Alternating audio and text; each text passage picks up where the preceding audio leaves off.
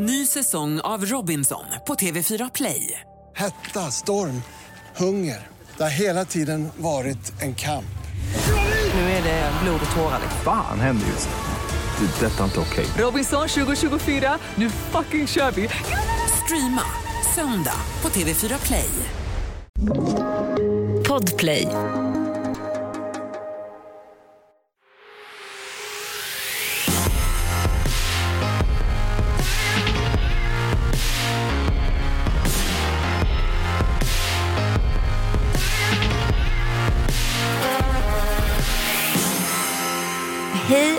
Välkomna till Tjejpodden! Jag säger var helt borta. Jag vet, jag vet att du tänkte på något annat. Välkommen till Tjejpodden. Ja, jag, bara, jag var helt ensam här det här är podden Mm. med mig Johanna Och mig Amanda. som pratar om de där sakerna som vi annars inte pratar om för att få alla tjejer där ute att känna sig mindre ensamma. Få lite mer självförtroende. Och idag så har vi faktiskt bjudit in en gäst. En otrolig jävla gäst. Som Nej men snälla Mm. rara. Nej, men vi har ens. Jenny Svedberg Fred i studion. Hej. Norrlänningen. Välkommen älskar. hit. Ja, tack snälla, så mysigt att få vara här. Mm, alltså vi har så mycket att gå igenom. Till och med så att Ja. det blev två avsnitt. Det kommer att bli två avsnitt för att vi insåg att det här kommer inte få plats i ett för vi, det är så viktiga ämnen Mm. och så viktigt att belysa så att det får bli två avsnittet. Och det här är del. Avsnittet! Kan inte du bara dra lite presentation av Jenny då? jag tänker, jag presenterar Jenny lite här så ska Mm. ni få liksom veta lite om vad vi kommer gå in på i del 1 och 2 här då. Ni kanske känner igen Jenny ifrån Bonde söker fru som hon var med i 2017. Och Hon är en driven kvinna som har en lång bakgrund i en mansdominerad sport, nämligen tyngdlyftning. Så hon har alltid varit en tjej som har behövt ha lite skinn på näsan helt enkelt. Men bakom allt detta så har hon haft det väldigt tufft. Hon blev utsatt för sexuella övergrepp som ung tonåring och har präglats av en svår uppväxt och haft med sig trauman som hon inte riktigt haft verktygen att hantera. Hon har haft destruktiva relationer och till och med blivit misshandlad av en pojkvän.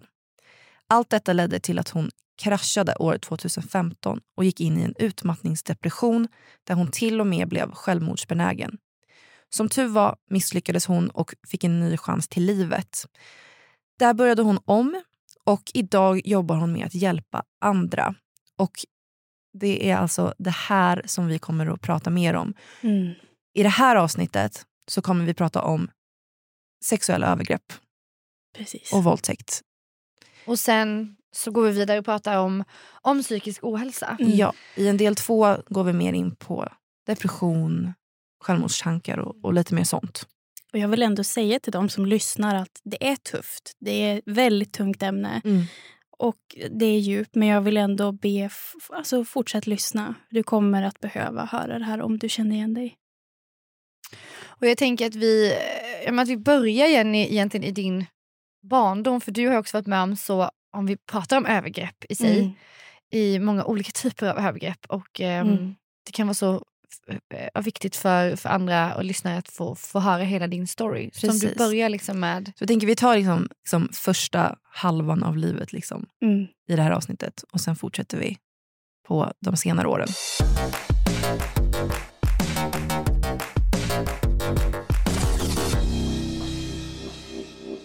Berätta var det började. Mycket började, jag vet faktiskt, jag kan faktiskt, jag, jag kan säga när jag vet att det börjar. Jag, jag vet redan ärligt talat att jag gick in i en depression på ett sätt som jag fick lov att trycka undan för att överleva när jag faktiskt bara gick i sexan, sjuan. Eh, just för att det hände så mycket mer än övergrepp. Jag var med om mycket som många andra. Det, det är egentligen ingenting man ska eh, säga att man skyller på ens, ens bakgrund på det sättet att man eh, är skilsmässobarn. Men sen finns det olika grader. Så att mina, mina föräldrar skilde sig när jag var nio månader. Så jag har aldrig riktigt um, upplevt en trygghet. på De gjorde säkert så gott de kunde. Men uh, mycket, mycket började så tidigt att uh, man fick träffa män som kom och gick i ens liv. Som alltid inte var så snäll. Som faktiskt också var väldigt våldsam mot mig. Eh, vilket eh, såklart inte syntes utåt, för de var, hade ju säkert gjort det där förut. Så att bli tidigt utsatt att se mäns våld som treåring och uppåt. Liksom, det var ju det man tyckte var normalt. Mm. Vilket är så vidrigt. Och jag, återigen, jag vet att jag är långt ifrån ensam. Eh, och det värsta fallet. Men eh, så jag har ju blivit präglad av, av liksom våld och intriger på olika sätt sedan jag var så ung. Och Det var allt jag visste. Jag har aldrig riktigt känt trygghet på det sättet. Um, och Jag kände att när jag, jag blev faktiskt utkastad från mitt hem uh, och fick flytta till min pappa heltid när jag gick i åttan. Um, och jag var faktiskt en väldigt duktig tjej. Jag, det är det som är så hemskt. att Det här handlar inte om att många tror att det är fall att man ska vara en brölig tonåring, att man är ute och knarkar. Eller att man, men det är inte så det ser ut. Det är oftast personer också som är väldigt duktiga, som kanske är starka och som sköter sig verkligen. Och det är vi som får ta det just för att jag har alltid varit en person som folk kommer till tidigt och, och förlitar sig på. För jag har tyvärr så, på ett sätt tyvärr, eh, fötts med en förmåga att folk tyr sig till mig för att jag lyssnar. Mm. Jag är stark. Jag föddes väldigt stark, men jag kan vara extremt svag. Eh, just för att jag har en... Jag trycks ner av andras problem. De lägger sina problem på mig. Och tyvärr så gjorde vuxna det på mig fast jag var barn. Um, så liksom det där kom ju och pockades på på mina axlar. Fick se saker som inte barn ska göra. Och sen ledde det till en ostabil grund att jag fick börja om. Jag fick flytta från en annan stad till en helt annan. Eh, bodde hos min pappa varannan helg. Så jag kände väl inte min pappa på det sättet att vi var så nära. Och Vi fick börja en ny relation. Och tack och lov, det låter hemskt men ändå sjukt att jag är tacksam att jag blev utkastad. Eh, och Jag hade inte gjort något speciellt, men, men det gjorde att faktiskt jag tror att det är en stor del till varför jag ens överlevde idag. För men, min ja, men ja. Det är väl klart om du blev utsatt för, också för våld hos ja. din mamma. Eller så här. Det låter ju jätte... Och det är absolut inte min mammas fel. Men eh, det är hemskt att säga, men det är skönt att äga sin sanning idag.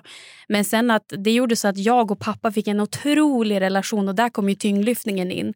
Eh, och det har ju satt eh, verkligen, alltså Gud vad fantastiskt det har varit. För det är din pappa som eh, fick dig in på ja, tyngdlyftningen? Mm. Jag har ju vuxit upp med tyngdlyftning sedan jag var tre år och sett pappa tävla och sådär. Så han tog mig under sina vingar och är faktiskt en, en man som tror på kvinnor otroligt mycket, vilket är fantastiskt. Han är underbar och könsfördelar inte alls. Utan så Han tog mig under vingarna och bara, det är klart du ska börja med tyngdlyftning. För din, din fysik är fantastisk, du är så stark, du måste hamna i ditt esse. Och där kom det in. Eh, men återigen, hade jag otroligt mycket bara då, då var inte jag så gammal, som låg i bak, alltså bagaget. Mm. Va, vi är typ nu vid 14 års ålder ungefär? Ja, 13. Ja. ja 13. Så att det är liksom... Um, och där började det någonstans. Jag vet att jag fick pendla från Kramfors till Härnösand för jag älskade min skola. Så att jag fick kliva upp 04.45 varje morgon för att jag ändå skulle åka. Jag minns hur Alltså jag, var, jag var utmattad och det är ganska hemskt att vara det i en sån där ung ålder. Men jag vet att jag var, där är jag tacksam att jag är väldigt stark mentalt. Men tyvärr så kan man inte vara stark för evigt och hela tiden. Så där började jag, vet att utmattningen redan där och depressionen började. Som jag tyvärr fick liksom dra åt sidan. Men, men att, att växa upp i, i en sån tillvaro. Jag får ju så rysningar när jag hör dig berätta Jenny för att man blir så jävla förbannad hur, mm. hur någon ens kan bete sig så mot ett barn. Mm. Eh, och Samtidigt så vet man ju att det är många som lyssnar på det här som kanske känner igen sig. Alltså vad, vad så, hur reagerade omgivningen på, eller var det någon som såg att du var utsatt för våld av de här männen? Det är det som är så hemskt att jag... Det, var, det är det som är svårt, för att eh, det var ingen som såg. Och när man berättar som tjej, bara överlag, det är svårt att få äga sin sanning för att folk tror inte på saker om de inte har sett det. Och såna här män till exempel som har gjort det förut är ju extremt duktiga på att eh, dölja det. Hur menar du då? Alltså de eh, ja, men gör det när ingen ser. Att de väljer sina tillfällen där verkligen det det är ingen som kommer att se och det är det som är så hemskt. Um, sen så är det ju så att de är äldre. De påstår att barn ljuger, hittar på. Det är klart att de får folk över på sin sanning. Liksom. Det är också hemskt. Visste de din mamma om det här? Nej. Nej. Nej. Och det är det som är så hemskt. Um, och jag förstår ju den problematiken. Inte vill hon tro på det heller. Men det, det är hemskt. Men du försökte ändå berätta? Jag, jag, ska, jag kunde ha gjort det mer, men jag var så ung. Jag, jag tror att jag, jag knep mest där. Alltså var liksom, jag visste ju inget annat. Jag tänkte att det var naturligt och normalt. Um, och Det är det som är så hemskt. Men jag är också, det som är lite tråkigt samtidigt med det här med depression också, att man är väldigt på ett sätt, det låter jättekonstigt att jag säger, man är blessed och cursed med att man ser väldigt stark ut fysiskt. Eh, det mentala, det ser man ju inte. Men jag såg väldigt fräsch ut. Väldigt glad. Men jag var nog den, liksom, den mest deprimerade, gladaste människan någonsin. Jag, bara för att jag låg... Alltså, det, det, liksom, det går inte, det finns inget ansikte på det. Så det är folk... det som är så viktigt också att belysa, mm. tycker jag. Att depression och ångest och liksom nedstämdhet kan, kan visa sig på så många olika sätt. Som ja. så att Vissa kanske då ligger i ett mörkt rum under täcket mm. och bara gråter dagarna ända eller kan inte ta sig upp ur sängen. Medan andra har liksom en förmåga att bara sätta på sig en mask och typ gömma känslorna mm. och vara jätteglad och se ja, fräsch ut. Och man kanske ja, tar hand om sig själv ändå men, men att, liksom att just att du säger depression har inget ansikte. Man kan inte mm. Man tar ett man krafttag. Man kan ha sovit hela dagen och sen bara verkligen sminka på sig och dra mm. ut två timmar. och Det är allt man orkar. Och Då ser ju folk bara de två timmarna. Mm. För det är det man exponerar sig i. Liksom. Så ja, det är verkligen lurigt. Man men... kan aldrig veta vad som pågår liksom heller Nej. bakom. Nej. Nej, men så det, det var en problematik. Det var extremt ensamt. Um, och jag kan säga att, eh, jag kommer återkomma till det, att det är extremt många som aldrig får äga sin sanning. Just för att skydda folk som egentligen har gjort en så otroligt illa. Mm. Den problematiken har varit jättesvår för mig. Att uh, Jag är så godhjärtad och oftast de personerna hamnar i det här. För de vet att den här skulle aldrig tjalla på mig. Och det tycker jag är hemskt. Mm. För, men då gäller det verkligen att samla kraft. Varför ska jag skydda en person som har gjort mig så otroligt illa? Varför mm. egentligen? Och det är liksom så sjukt att det tar så lång tid. Du hinner bli vuxen innan du får äga din sanning. Du skulle ha fått gjort det för så länge sen. Um, och Det är därför också som vi pratar ju om din, om din uppväxt och liksom mm. alla de här händelserna som kanske har lett fram också till att... Mm. Det är en lång process. Ja. Det, alla har sina olika typer. Man kan ha samma diagnos eller ja, men man fått liksom ett, en diagnos. Men de kan ju te sig olika. Olika ursprung, olika bakgrunder. 100 procent. Sen då när du blev tonåring, då var du med om ytterligare en väldigt traumatisk sak med ett övergrepp då? Det är fortfarande jättejobbigt för mig att prata om, så jag kommer säkert få tårar. Det är under omständigheter som absolut ingen ska få vara med om. Det var, eh, jag tror jag var, var 15-16 kanske. Då eh, fick jag åka in, för jag hade fått maginflammation. Alltså jag, fick, jag fick akut ont i magen och verkligen, alltså jag trodde jag skulle jag trodde jag skulle dö. Jag trodde något hade sprängts i magen. Jag tänkte det var blindtarm eller någonting. Och mina föräldrar, min pappa och eh, hans sambo var absolut inte ens... De var utomlands. Så det var dålig timing. Och så fick... Ja, men jag var tvungen att åka till sjukhus. Eh, så min, min bror var jättegullig. Han hade inte ens körkort, men han, han eh, fixade skjuts till Sollefteå sjukhus så att jag fick bli inlagd där. Fick otroliga mängder morfin, vilket jag tycker är jättemärkligt. För det är liksom, De ska ju ge en morfin utefter ens kroppsvikt och liksom, det ska inte bli fel. Alltså Så är det bara. Och Det har fått mig att undra mycket. Um, och eftersom att jag hade problem med magen så ska man ju kolla tarmen, ändtarmen och kolla tarmsystemet så att det är okej. Okay. Så att de satte mig i ett, i ett uh, undersökningsrum, eller ja, ett läkarrum. Um, och jag var jättehög. Alltså jätte, hade så mycket morfinhalter i kroppen som inte är okej. Okay. Uh, så minns jag att jag, var, jag vet, jag var klarvaken och allting och min bror var utanför med sin vän och väntade. Så kommer in en läkare eh, och ja, påstår sig, alltså, han var inte gammal, han kanske var 35 eller någonting. Skulle undersöka mig. Eh, och det ska ju vara liksom magen, ändtarmen. Han ska ju kolla en ja, men endoskopi eller vad tusan som helst. Um, men väljer istället att uh, förgripa sig på mig och uh, stoppa in fingrarna i uh, vaginan. Och det har absolut ingenting att göra med min mage.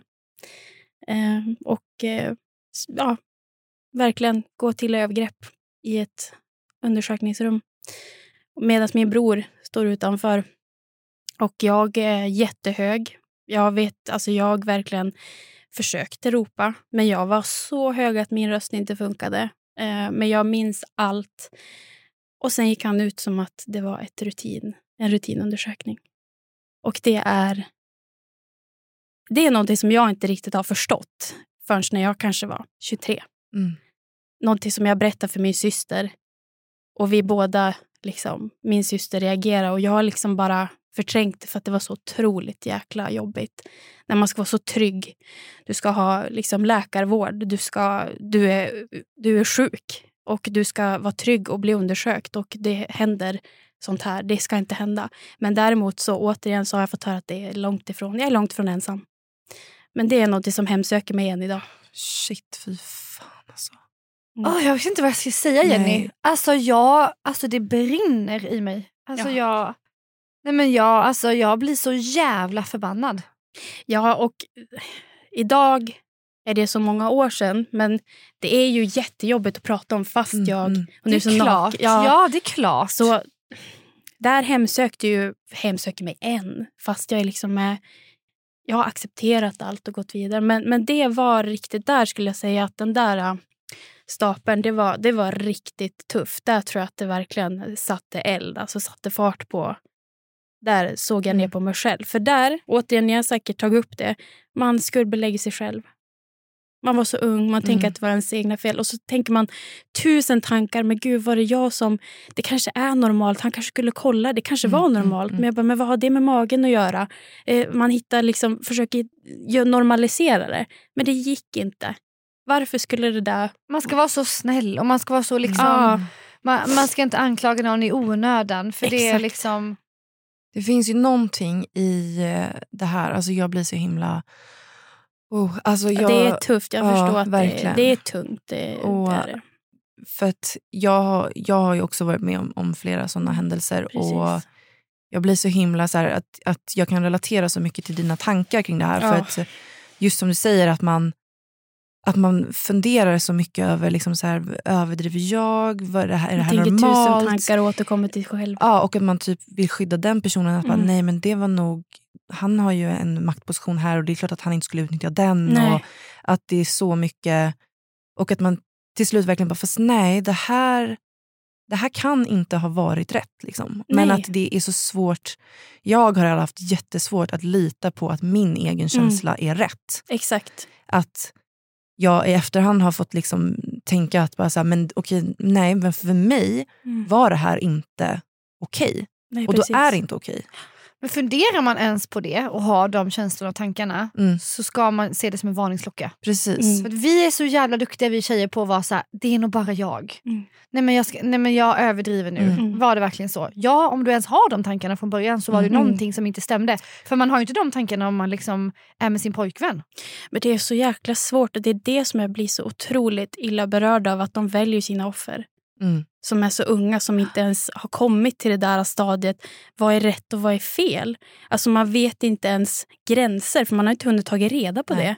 Man har inte ens kommit ut i vuxenlivet. Och att använda sin maktposition på det sättet är så vidrigt så att Ja. man vill bara... Alltså, ja, precis. Att, att man utnyttjar liksom unga tjejer på det sättet. att Jag hade ju eh, träffat en PT som ville hjälpa mig och skulle träna mig och så. Och vi tränade flera gånger i veckan och det var inga konstigheter. Och det var, nu efterhand kan jag tänka mig att det var typ som en fas där han nog ville bygga upp någon form av Ja. trygghet. Alltid.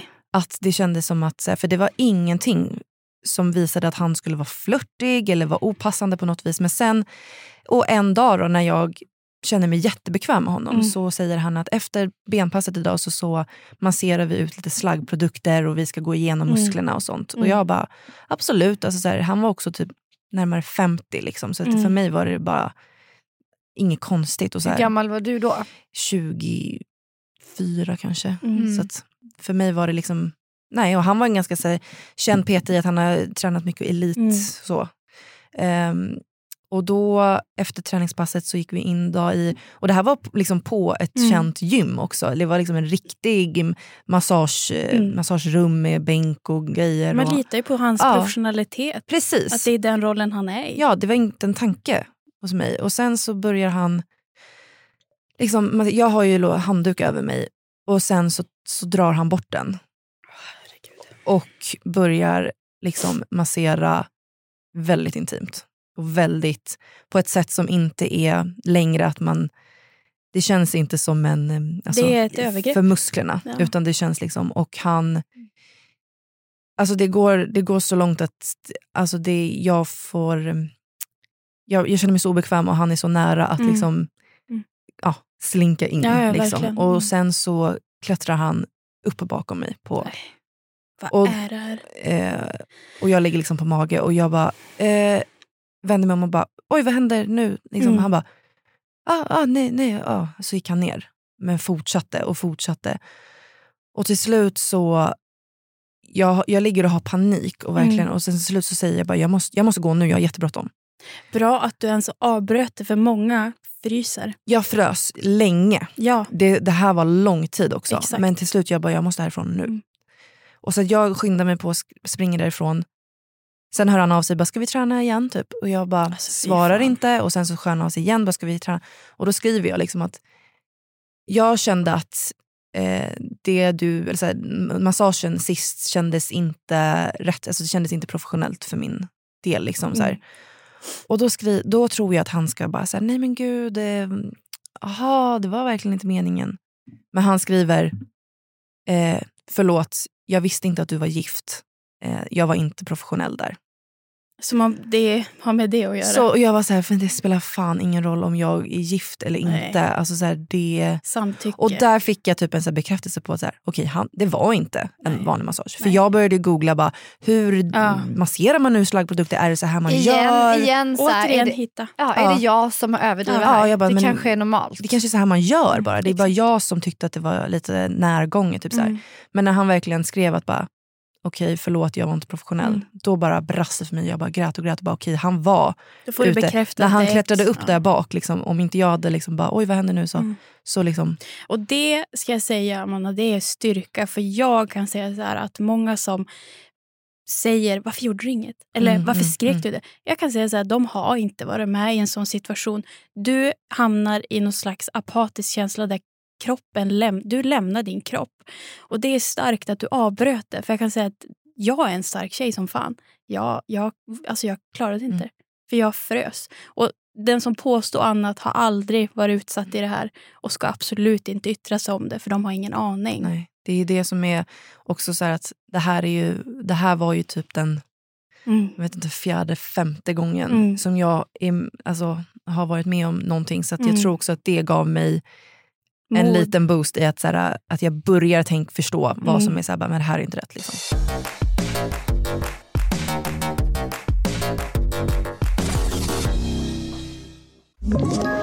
Ett poddtips från Podplay. I podden Något Kaiko garanterar östgötarna Brutti och jag, Davva, dig en stor dos skratt. Där följer jag pladask för köttätandet igen. Man är lite som en jävla vampyr. Man har fått lite blodsmak och då måste man ha mer. Udda spaningar, fängslande anekdoter och en och annan arg rant. Jag måste ha mitt kaffe på morgonen för annars är jag ingen trevlig människa. Då är du ingen trevlig människa, punkt. Något Kaiko, hör du på Podplay. Därför är gardinerna.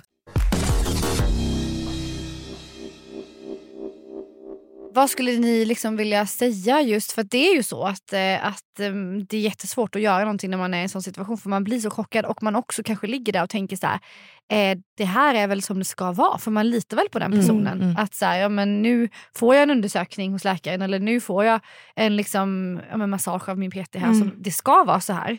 Alltså det är så långt att, att ta steget och tänka eh, det här är onormalt. Det är så lätt att tänka Mm. det här är bara jag Mm. som överdriver nu. Mm. Men om man känner obehagskänslorna, vad kan man ge för råd när man, när man är i den situationen och fryser så? Jag skulle bara säga att det är så himla svårt och individuellt på vilken person man är. Men våga ställa till en scen när det behövs. Det behöver inte vara något utgenomtänkt svar. Skrik. Gör vad som helst. Bara bullra. Låt. Vad som helst. Spelar roll om det blir högt eller att du låter. Det är precis det du ska göra. Alltså Mm. ärligt talat, det behöver inte finnas logik i vad du säger. Bara du gör någonting som avbryter.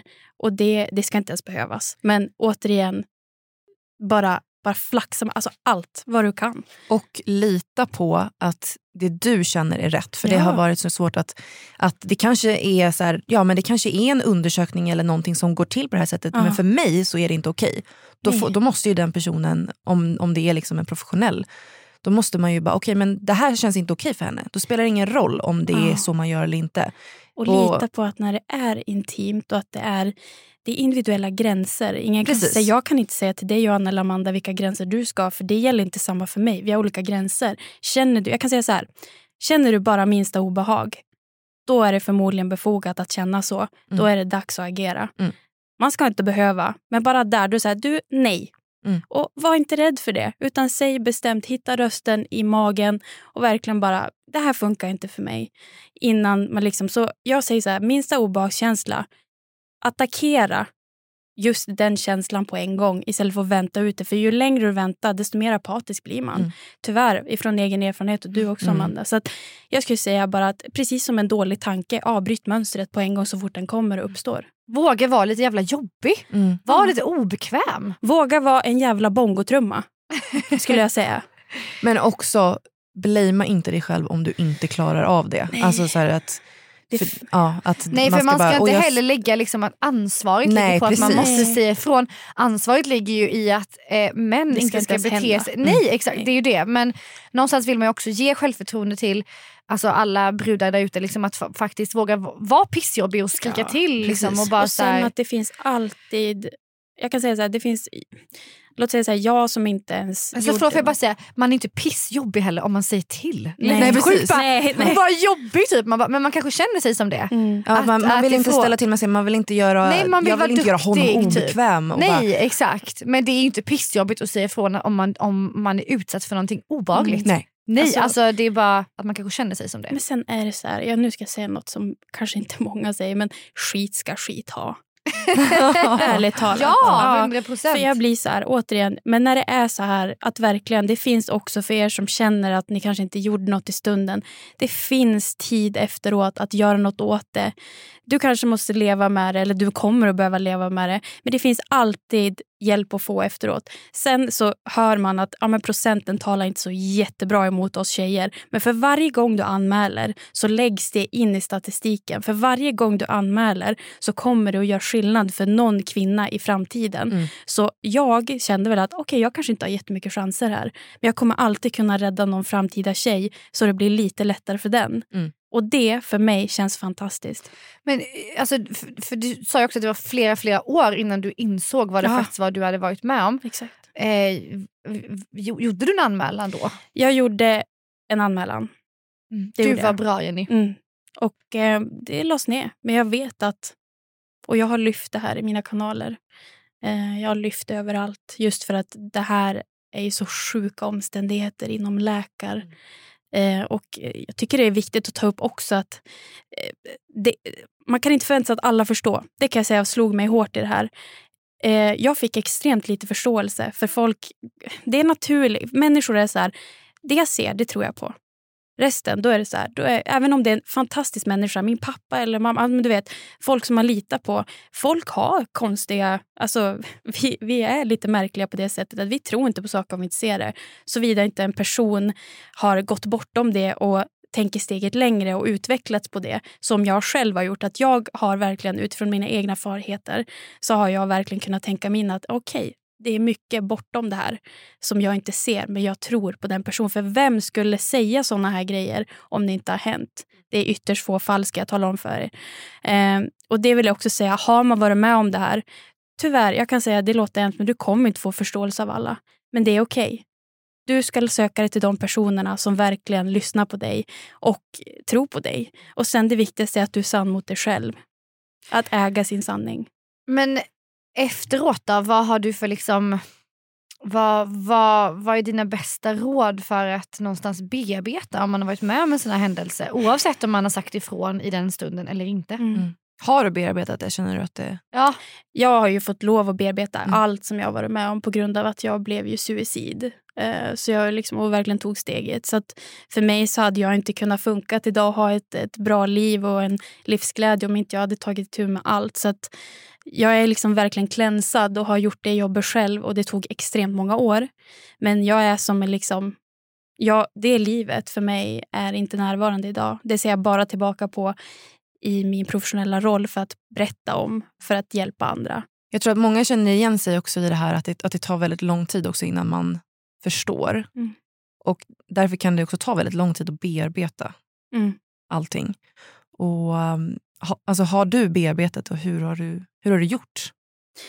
Eftersom att jag har ju verkligen bearbetat, nu har det hänt så mycket mer därtill, men just det här är ju en del av allt. Så har jag ju fått lov att göra det eftersom att ja, jag lever ju inte efter min gamla verktygslåda. Så jag har ju Mm. verkligen klänsat mitt liv och lever ett, idag ett underbart liv. Men jag håller med om att det, det finns inget facit på hur du egentligen kan bearbeta. Det, det är helt olika beroende på vem du är som person. Jag är till exempel en väldigt uttrycksfull person. Jag tänkte ju absolut inte att det här skulle hända mig.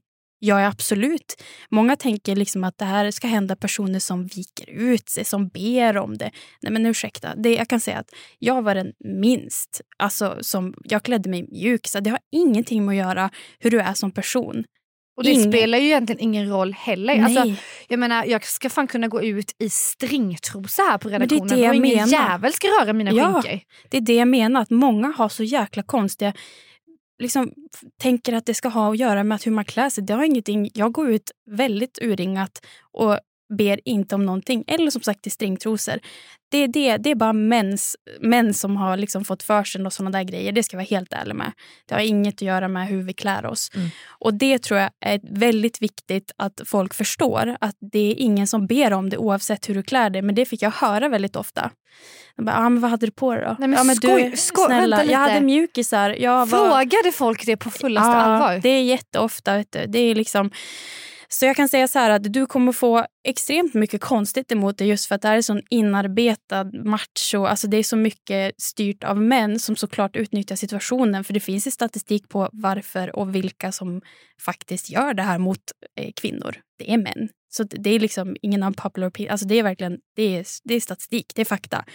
Men just att eh, man får väldigt mycket emot sig. Det finns mycket statistik som inte kanske är på din sida. Men det viktigaste för dig, det är att verkligen tala ut om det. Säg det till någon man verkligen jag anförtror mig till. Jag hade min syster. Hon har tyvärr också fallit offer för övergrepp. Hon blev inte trodd heller. De i och för sig gick till rättegång, och vilket var jättebra. Men där har hon återigen min mamma på sin sida, en kvinna. Så att det viktigaste det är att söka sig till folk. Och jag kan säga så här, behöver du älta? Älta. Jag gick igenom den här situationen tusen gånger. Bara för att prata om det, prata om det. Tills jag kände att jag var trött på att prata om det. För att sen agera. Alla har sin gång, men så är det. Amanda, vad, säger, vad, vad har varit bäst för alltså dig? Hur Mm. har du bearbetat din, dina upplevelser? För det är flera också, vilket är helt sjukt. Precis, och det är därför jag tycker typ att det är väldigt intressant att prata om det här, för jag har inte gjort det. Nej, jag förstår. jag alltså, det är- har inte... Ja, alltså jag har jätte- jättesvårt att prata om det. Mm, jag fattar det. Och det är så sjukt för att jag är en, en väldigt öppen person som pratar Mm. om allt. Alltså jag är öppen med ja, ni som följer mig och ni som lyssnar på podden. Och Mm. allt så bara Det är man- första gången du har berättat det här för mig. Mm. Mm. Jag visste inte Sen det här. är det Ja. eh, av många anledningar varför man, man orkar inte. Det är extremt tungt. Du måste ha verkligen krafttag till att ens orka sitta och prata. Som jag, jag har mentalt rustat upp mig för att ens Mm. prata om det här. Fast jag har gått vidare från det. Och då har jag verkligen bearbetat det. Så att, Det, ja, det är någonting som gör att jag kan prata om... Alltså nu, nu eh, har jag gått i terapi väldigt, väldigt, väldigt många timmar. Mm, mm. Och ehm, jag kan prata om allt. Mm. Liksom så här, jag går till en terapeut och så går jag igenom, jag hade väldigt många som dog under min uppväxt till exempel. Mm. Det pratar jag jätte- jättemycket om. Mm. Och jag pratar om eh, allt möjligt, min ångest, mina ätstörningar och, och så. Mm. Men när det kommer till det här så får jag tunghäfta. Mm. Jag kan liksom inte... Jag gick till en terapeut i syfte att faktiskt bearbeta det här. Mm. För det var faktiskt att ehm, jag, jag försökte nog bara lägga det bakom mig i att så här, Mm. okej, det hände, jag kommer inte säga till någon, Nej. för då har det inte hänt. Och då, Jag behöver inte låta det ta upp tankeplats. Mm. Men minsta lilla sak triggar mig. Ja, jag förstår det. Men det är för att det är obearbetat. Precis, och det var det som då jag fick, alltså, som gjorde att jag eh, eh, att det kom upp igen. För jag kollade Mm. på eh, det här 13 reasons why. Ja, precis. Där det handlar om, om eh, övergrepp i en av avsnitten. Och jag bara grät och grät Mm, och grät mm. och grät. Och det bara, jag slutade inte gråta, jag hulkade och jag bara så här, jag bara shit vad det här Mm. eh, Det bubblade upp jobbigt. från ingenstans. Det är ingenting jag går och tänker på dagligen, det är ingenting, men det bara satt så hårt i mig. Mm. Och då gick jag till en terapeut för att säga jag måste, jag måste nog ta itu med det här. Mm. Men det slutade med att jag pratade om andra grejer när jag gick till terapeuten. Och hon Det- bara, det känns som att du dansar runt. Mm. Bara, Dansa runt problemet. Ja, för att jag, det är jättesvårt att prata om och det tror jag också är liksom viktigt att veta att det är... Vet du varför det är så svårt att prata om? Nej. Om du tänker ätstörningen, den hade du kontroll på. Mm. Folk som du kände väldigt nära är det lättare att prata om för du känner dem. Mm. Här är en människa du inte känner som du absolut inte hade kontroll på. Mm. Det har hänt dig en sak som du inte hade kontroll på. Hur ska du kunna prata om en sak som du absolut inte har nära känslor till? En person som du känner. Eller någonting som du... Det kom inte från dig. Det var någon som kom det till dig. Och Det är därför det är så svårt att prata om. Jag tror inte många vet det. Men det här är en situation som är extremt svår att prata om för du kan inte sätta ord på det. Dels för att du blir apatisk, du blir rädd. Du hamnar i ett försvarstillstånd till exempel. Men sen också för att du har ju, det har inte kommit från dig. Du blev utsatt för det av en person du egentligen inte har en känsla för. Mm. Och då är det svårt att sätta ord på saker för det finns ingen känsla till det förutom det är apa- apati, du är rädd, det är rädsla, du är skräck. Och sånt är svårt att sätta ord på. Men också att det finns någon helt eh, sinnessjuk grej att man i såna här situationer lägger skulden på sig själv Ja. och tänker bara att det är jag själv som kanske Mm. var jag lite slampig, var jag Mm. oförsiktig, har jag bjudit in till det här liksom, eh, fysiska övergreppet som har skett. Alltså vad, att det liksom är mitt eget fel någonstans. Mm. Och det är ju därför vi pratar om det här ämnet i podden idag. Ja. För att också liksom understryka att Mm. du är inte ensam du som är med om det här. Det är inte ditt fel. Och det är verkligen viktigt att lyfta och äga, som Jenny säger, din story. Mm. Äg det. Och eh, det är återigen vad som hjälper. Jag gick i extremt mycket tjejgrupper. Jag var ju själv här i Stockholm också. Sen när jag verkligen, när det hit me in my face. Jag visste inte vart jag skulle vända mig. Jag googlade, alltså ta reda på det. Att försöka vara sin egen drivkraft. Att saker kommer sällan till en. Eh, och bra saker om man inte tar för sig steget mot lycka. Liksom. Eh, så jag gick till mycket tjejgrupper, sökte mig till tjejchatter. Jag gick i terapi också extremt mycket eh, och ville ha en kvinnlig terapeut. Då. Men, och, och Jag ska faktiskt läsa lite här var man kan vända sig om man Mm. lyssnar på det här och känner att man, man behöver prata med Mm. någon. Och Då finns det ju föreningen Stora Syster som vänder sig till dig som har utsatts för våldtäkt eller andra sexuella övergrepp. Men, Extremt bra. ja, men också då att de erbjuder stöd till dig som är anhörig. Det är ju väldigt bra. Eh, Kvinnofridslinjen kan man ju alltid få liksom, stöd och eh, samtalsstöd liksom, dygnet runt på, Mm. på, på eh, telefon.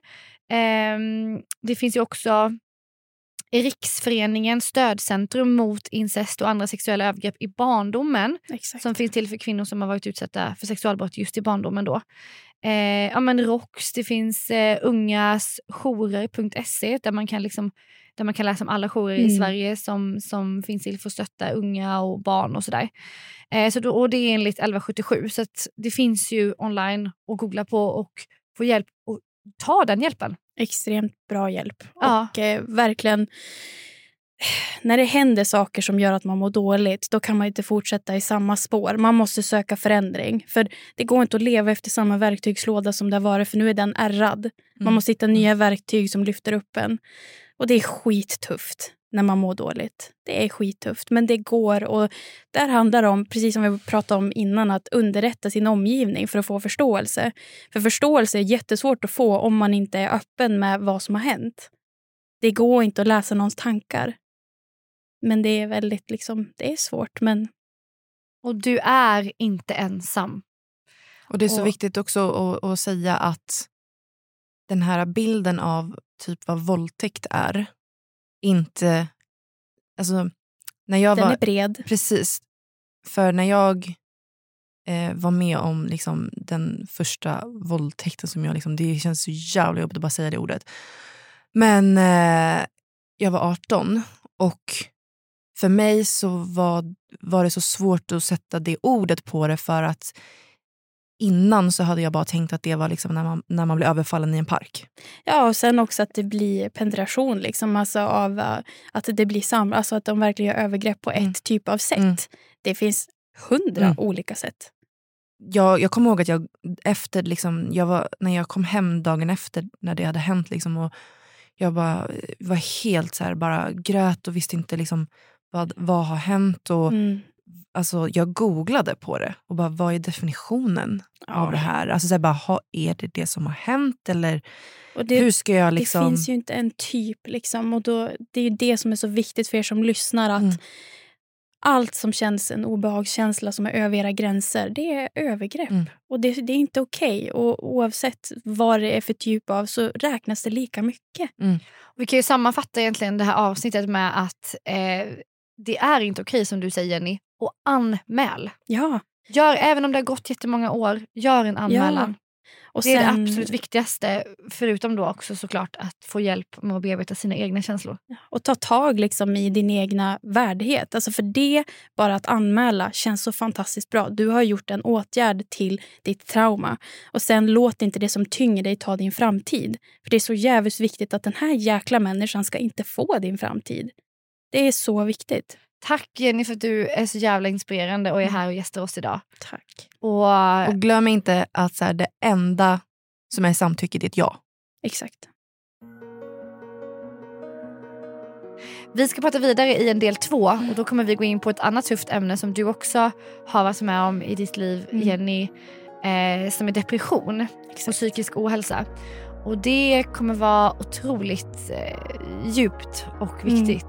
Precis, vi går vidare i liksom, livshistorien och Ja. fortsätter på. Det är, en lång. del två. Så lyssna Mm. på, på del två och eh, ja, men hör av er till oss om ni behöver prata eller känner er ensamma eller någonting. Vi finns ju på tjej podden på Instagram. Yes. Eh, du Jenny finns på Jenny S. Fred med två E. Och jag finns här att prata med, skriva med om det är någonting jag kan hjälpa till med. Och Du, finnas och där. du är helt fantastisk på Instagram. Så att ni, måste, Ja. ni måste bara Jenny följa med henne där. Y, Jenny med Y. Ja. Precis. Ja, Jennys Mm. fred.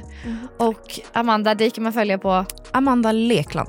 Och mig på johanna.blad, B-L-A-D-H. Mm. Tack för att ni har lyssnat och, lyssnat och eh, ta hand om er där ute nu. Mm. Stor Ja. kram. Puss på er. Puss och kram.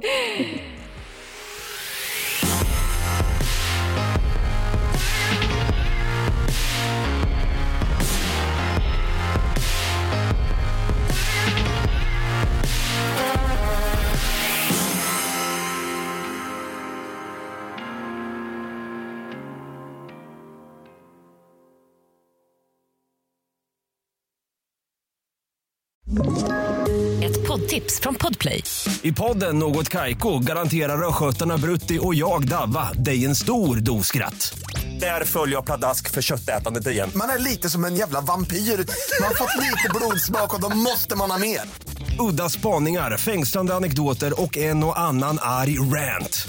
Jag måste ha mitt kaffe på morgonen för annars är jag ingen trevlig människa. Då är du ingen trevlig människa, punkt. Något Kaiko, hör du på Podplay. Därför är gardinerna.